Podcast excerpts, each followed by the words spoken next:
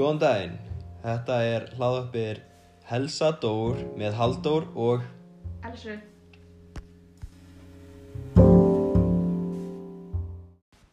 við byrjum með minn hluta, það sem að við förum yfir súrealisma. Súrealismi er listastefna sem á upptök í Fraklandi í kringum 1920. Orðið súrealismi er komið úr frönsku og þýðir óraunveruleiki.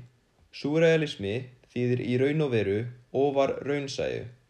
Súrealistar voru rótækir og pólitískir og vildu finna ný og öðruvísi form hugsunar og listsköpunar og til að segja eitthvað um heiminn og breytunum. Þeir höfnuðu hefbundni raukhyggju sem laust allra mála. Þeir leituðu nýrri nálgun á veruleikan öllum bæði þeim meðvitaða og dulvitað. Eitt af því sem hafði áhrif á súrrealistana voru kenningar Freuds um merkingu, drauma og fullyrðingu dádáistana um að listin væri um, bund, um ofbundin hefðun súrrealistar heldu því fram að menn ættu að fá innblástur til listverkara frá undir meðvitindinni, draumum og eðlisásvísunni en ekki frá upplifun og reynslu. Ljóðið Úlingurinn í skóginum eftir Halldór Lagsnes byrtist í Eimreiðinni árið 1925. Ljóðið byrjar á orðum, orðunum mig dreymdi en súrjálastar vildu að skáldskapurinn komi úr draumnum. Orðin eru skrítin og sett saman á skringjelana hátt. Leikur að orðum, oft eru orðin merkingalaus í bókinni Öldinni öfgugafulla.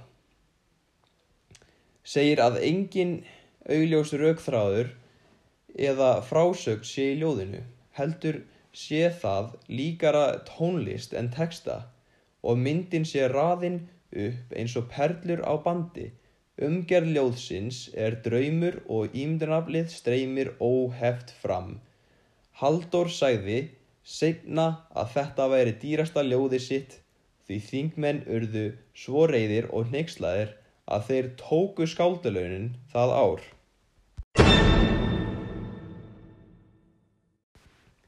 Jæja, þetta var upprinni súreilisma en Elsa, segðu mér, hvað hva var, finnst þið að vera merkilegt við þetta, þennan textaðina?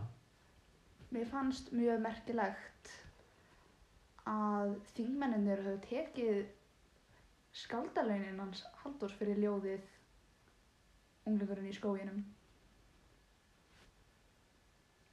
Af hverju gerðu þér það, Halldór?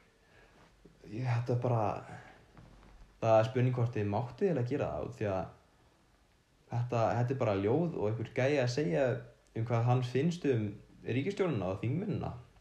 Þannig er þetta alveg bara sængjart. Mér finnst það ekki.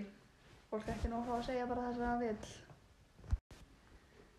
Nú ætlum við að lesa minn part. Hann er um Halldór Lagsnes og einkenni surrealisma í ljóðinu Úrlingurinn í skóginum.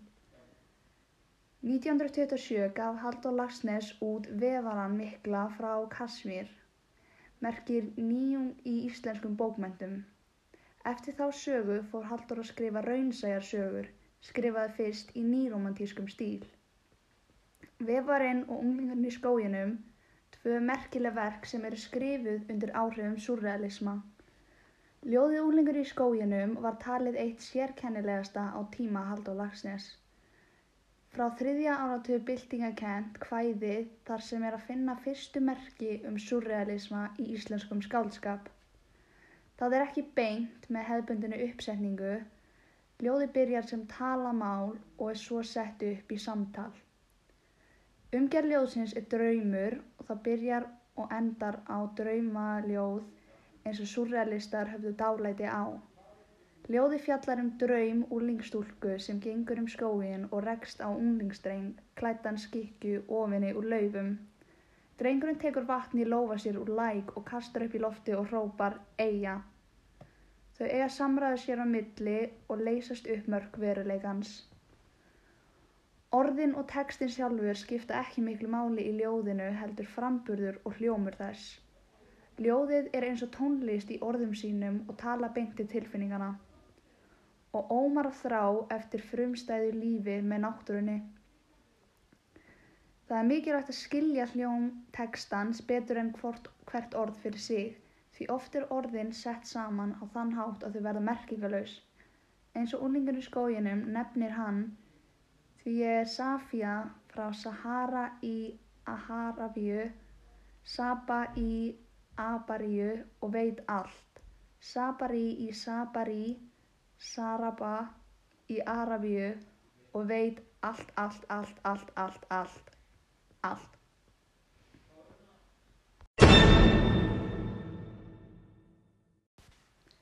Núna erum við aðeins búin að fara út í einkenni surrealisma í ljóðinu Unglingurinn í skóginum og þó svo þingmenn voru ekkit rosalega hrifnir af ljóðinu þá fannst þjóðinni þetta sérkennilegasta ljóð á tíma Halldórs Lagsnes.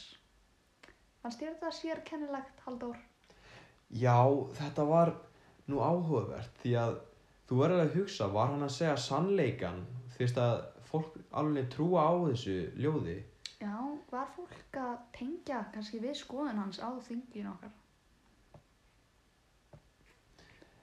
En uppáhalds hlutunum í þetta ljóð var þessi tongue-twister í endanum. Hvað, varst það einhver miklu æfingu við fyrirfram með það? Maður þurfti alveg að æfa þetta svolítið. Ég held að ég hef ekki náðu þessu á fyrstu tilraun. Jæja, þetta hefur verið súrealismi verkefni í íslensku og frá mér og Elsu þá segjum við bara takk fyrir okkur.